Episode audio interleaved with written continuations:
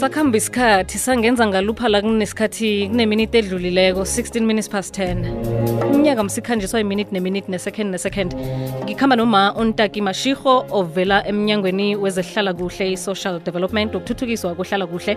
Uzositshela-ke ngama-funding namkhana-ke ukusekelwa nokusizwa kilabo abathanda ukuthi babe nendawo ezihlogomela abantu. Siyathokoza inhliziyo ezifana nalezo akusingibani nobani oba netshisakalo nehliziyo yokusiza abanye abantu khulukhulu-ke abangakhoni ukuzenzela. Lotshani ma? Lotshani nivukile namhlanje singolosithathu ekuseni? Ya sivukile singezwa mina. Sivukile nathi siyathokoza. Nje kokuthoma khowuhlathululele mina nomlaleli ngomnyango lo we-social development kafeaturesana nje ukuthi mhlawumbe mnyango wenza ini embusweni lapha esewula afrika? Um umnyango lona waka-social development uyinhlangano yama-social worker. Sisiza ezintweni eziningi nje sihlukahlukile ngemikhakha esiyisebenzayo eh ngabekisa ukuthi khona abaphansi komkhapha lokuthiwa i-children. Lana mhlambe kusukela umntana mhlambe ulahliwe sathu abanding umntana oyi-orphan oshonelwe bazali. Eh mhlambe uyaremova ayoplacewa ngokomthetho uya ecourt. Eh lapho sibasebenza ngemithetho yabo-children's act. Angibekise njengami bene sithethe sinama-program zawuthi awu-three ka-social welfare. Sibe ne-program okuthiwa i-vep victim empowerment. Yona-ke ibuka izinto ezifana nabo-substance abuse gender based violence. Lapho siyamobiliza sinamahlelo bese iba futhi ne-crime prevention.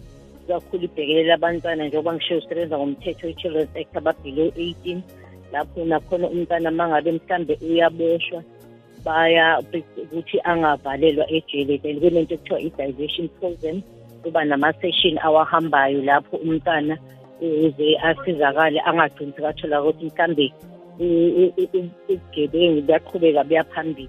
Mina-ke ngikuhlelo okuthiwa i-social welfare program two. Mina ngibukele abantu abakhubazekile edistrictini kube bogogo kuphinde kube i-HIV and AIDS prevention siphinde sibe ne-social relief. I-social relief of distress kulapho sinikeza abantu mhlambe umuntu ushelwe yindlu umndeni awunakudla abantwana bana-school uniform or iy'mpahla kulapho seba-approach ama-social worker. Um ngawubekisa ngisenkangala sama-office awusithi u-approach ama-social worker uya kuma-social worker esaye ekhaya ayobuka isimo ukuthi ngabe kule khaya kuphilwa kanjani ukuze abantu bakhone ukuthi bathole usizo. Kodwa lo sizo lutholakala for three months mhlambe lokuphiwa ukudla ngoba sinosister abanye e-development basebenza ngama-program lapho bona bayadevelopha i-youth abantu ama-skills development bese siyakurefera nakhona.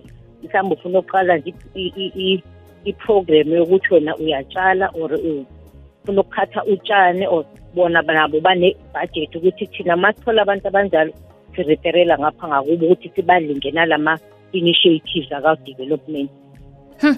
muhle umnyango uzwakala wenza umsebenzi okarisako ama-social worker la nakuthiwa kuhambe ema-social workeni vane bamthumela kuphi umuntu ahlalaphi eh sinama-ofisi i-district yethu la enkangala mm. sinama-subdistrict awu-six so maningi mhlawumbe kuzangithatha isikhathi nakathi ngiyabekisa. Kodwa ngibekise nje kubo-dr j. S. Morocco sine-ofisi esiyabuswa sine-ofisi e-falbank sine-ofisi emamikhathe sine-ofisi emarapiani sho ukuthi siba nama-local offices bese i-subdistrict iba esiyabuswa nayo la e-witbank.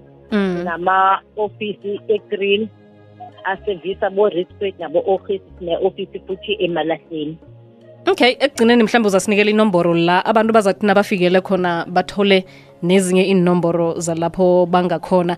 Um mamtaki-ke kho usitshele ngalabo-ke abahloga mhlawumbe ukusizwa ngemali nangabe bafuna ukuvula ama-center yini kokuthoma kufanele ukuthi babe nakho namkhana bakwenze ngaphambi kokuthi umuntu avule i-center futhi siyacebisa ukuthi umuntu akahambe aye duze ne-ofisi lama-social worker ngaphambi nokuthi athole i-NPO certificate uma sowuyile kuma-social worker uyasho ukuthi mhlawumbe wena ubone isidingo umphakathi ukuthi kunabantu mhlambe abogogo abahleli nje emakhaya abangenzi lutho. So mhlawumbe sinoqala i-service ngoba into ebalulekile eh esihlangabezana nayo lamalanga ukuthi abanye abantu banokuvula ama-center ngendaba yesimo somnotho ngokuthi bafuna mhlawumbe ukwenza imali.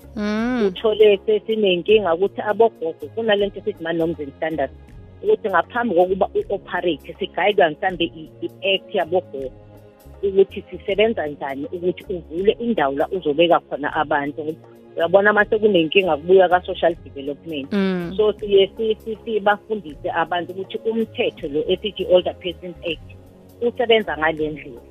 Uma sengathi siyabuka thina siqhathanisa nesikhathi saphambili uzawuthola kune-old age home ngapha mhlambe kulezi ndawo lezi ezizawuthi zabe labe kuphila khona laba abamhlophe kakhulu ngizawusho kanjalo mm. bese abantu bakithi ngendaba ukuthi nabo banezidingo siyethole ukuthi kuba namasenta yamashroom la agcina abogogo ngendlela mhlambe engasiyiyo ngokuthi kunesidingo ukuthi ugogo akunamuntu ohlala naye so mm. sim-advise umuntu ukuthi into ebalulekile is-trust la uzobeka khona labantu kumele ukuthi ba-protect-eke siphinde sibuyise i-dignity yabo. Hhayi ukuthi uthole abogogo sebahleli bayi-twenty erumini eh akunama-bathroom ahanoho akunama-toilet kusho ukuthi kuba nemithetho nje eminingi. So sesibacebisa abantu sibabonise ukuthi imali ezawudingakala uma uvula into efana naleyo imali engangani imali eningi kakhulu. Noma umuntu afuna ukuqala mhlawumbe aqale kancane. So siye sibabonise kuqala then songaya uyofuna i-NPO certificate. Uma mhlawumbe sesibona ukuthi-ke ama-norms and standards are-right kodwa ngedwa siyethole nje ukuthi abantu sebazivulele lezi ndawo. Bese-ke sewulapho-ke ugovernment uyangena ukuzobuka mhlawumbe ukuthi eyi afune nokuyivala. angalandelelwa. Mm. sekumele siyivale kube nzima nokuyivala ngoba uma sesifuna ukuyivala mhlawumbe sekuba nento engokuthi labantu sibasaphi at the same time mm. labantu laba uma sibheka ukuthi abahlalanga ngendlela e-right yiwo mm. sithi uma kunenkinga ngithi kubuya ku-government ukuthi abenithuleleni nibona ukuthi abogogo mhlawumbe abahlalanga endaweni elungi e-right nama-crash ngokunjalo ama-crash ngokunjalo nawo njengoba ngichaza ukuthi for umuntu avule kumele aye kuma-social work asho ukuthi mina ngibona kunabantwana la endaweni yami mhlambe bayi-ten or twenty. Bayahamba nje abazali banenkinga ukuthi bababeka. Then into ebalulekile ukubuka ukuthi abantwana bayohlala kuyo i-building abakuyo i-safe na? Ngoba i-challenge inkinga esihlangabezana nabo ukuthi sizathi ayamashuma njengamakhukhu sekugcwele izindawo nje abantwana babekiwe nje. Mm. kanti uma uvula i-crack kunomthetho ukuthi abantu ababheka abantwana bayaskrinwa. Kusho ukuthi uyabhala kuthiwe epitori kuyobukwa ukuthi mina nguwuthathi masho angizange-ke ngahlukumeza umntwana. Mm. bese-ke sekuyavunywa kubukwe nendawo ukuthi indawo le abantwana bayihlala kuyo ingabe i-right.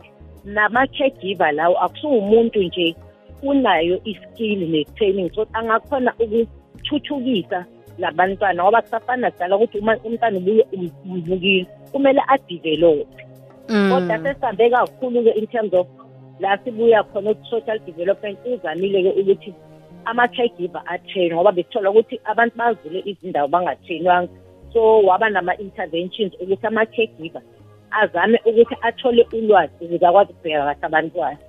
Manje njengoba ngichazile ukuthi akumelanga umuntu avule ngaphambili ngoba kuba inkinga. Buya kuma-social work ayobuka leyo ndawo akwazi ukutshela ukuthi hayi nokho le ndawo ayikho right ayikho suitable ukuthi ungabeka izingane ayikho safe ngoba asisebenzisi sodwa siye silande no-health inspect sisebenzisana naye.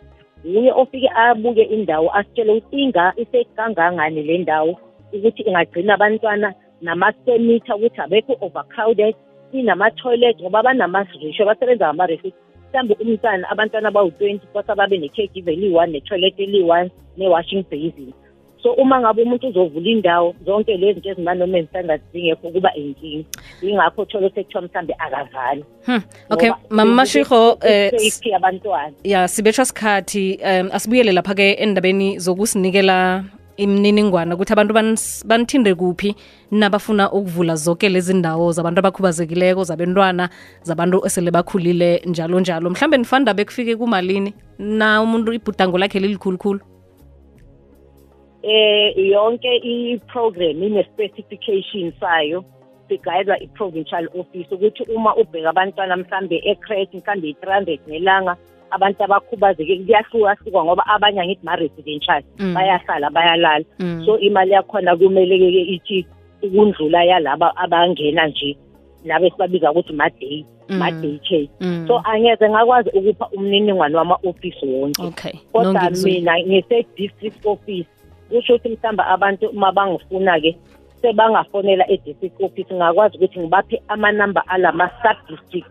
njengoba ngichazile ukuthi awu-six inkangala yonke. Okay mama sibawa mm. inamba ye-district-ke bazabanikela ukutshinga phambili. Okay inamba yami nganiphi inamba yami? Ngikhululekile u-o eight two. All right zero eight two. Four nine six. Four nine six. Six seven zero. Six seven zero. Zero six seven. Komi ngasezi zinengikhulu nje mamashiho zero eight two. Four nine six. Eh, seven zero. Seven zero. 67 okay. No sithokozile lonke ilwazi osinikele lona mawuyibeke wayindlala yazwakala besisenambuzo omningi ukutshinga phambili. Siyabonga siyabonga ithuba. Kuthokoza thina ngumantaki mashiho uvela emnyangweni wezehlala kuhle namkhana-ke ukuthuthukisa kuhlala kuhle i-social development. Inomboro zakhe zithi 082 4 9 6 7 0 6 7 asenzeni izinto ngokwekhabo lakhona ungazitholi-ke abantu sebaklarhela nabathi bazokuqala umnyango wezehlala kuhle uvale indawo wakho ngoba unombono omuhle unehliziyo ehle yokuhlogomela abantu abangakhoni ukuzihlogomela kufanele ukuthi-ke wenze ngendlela khona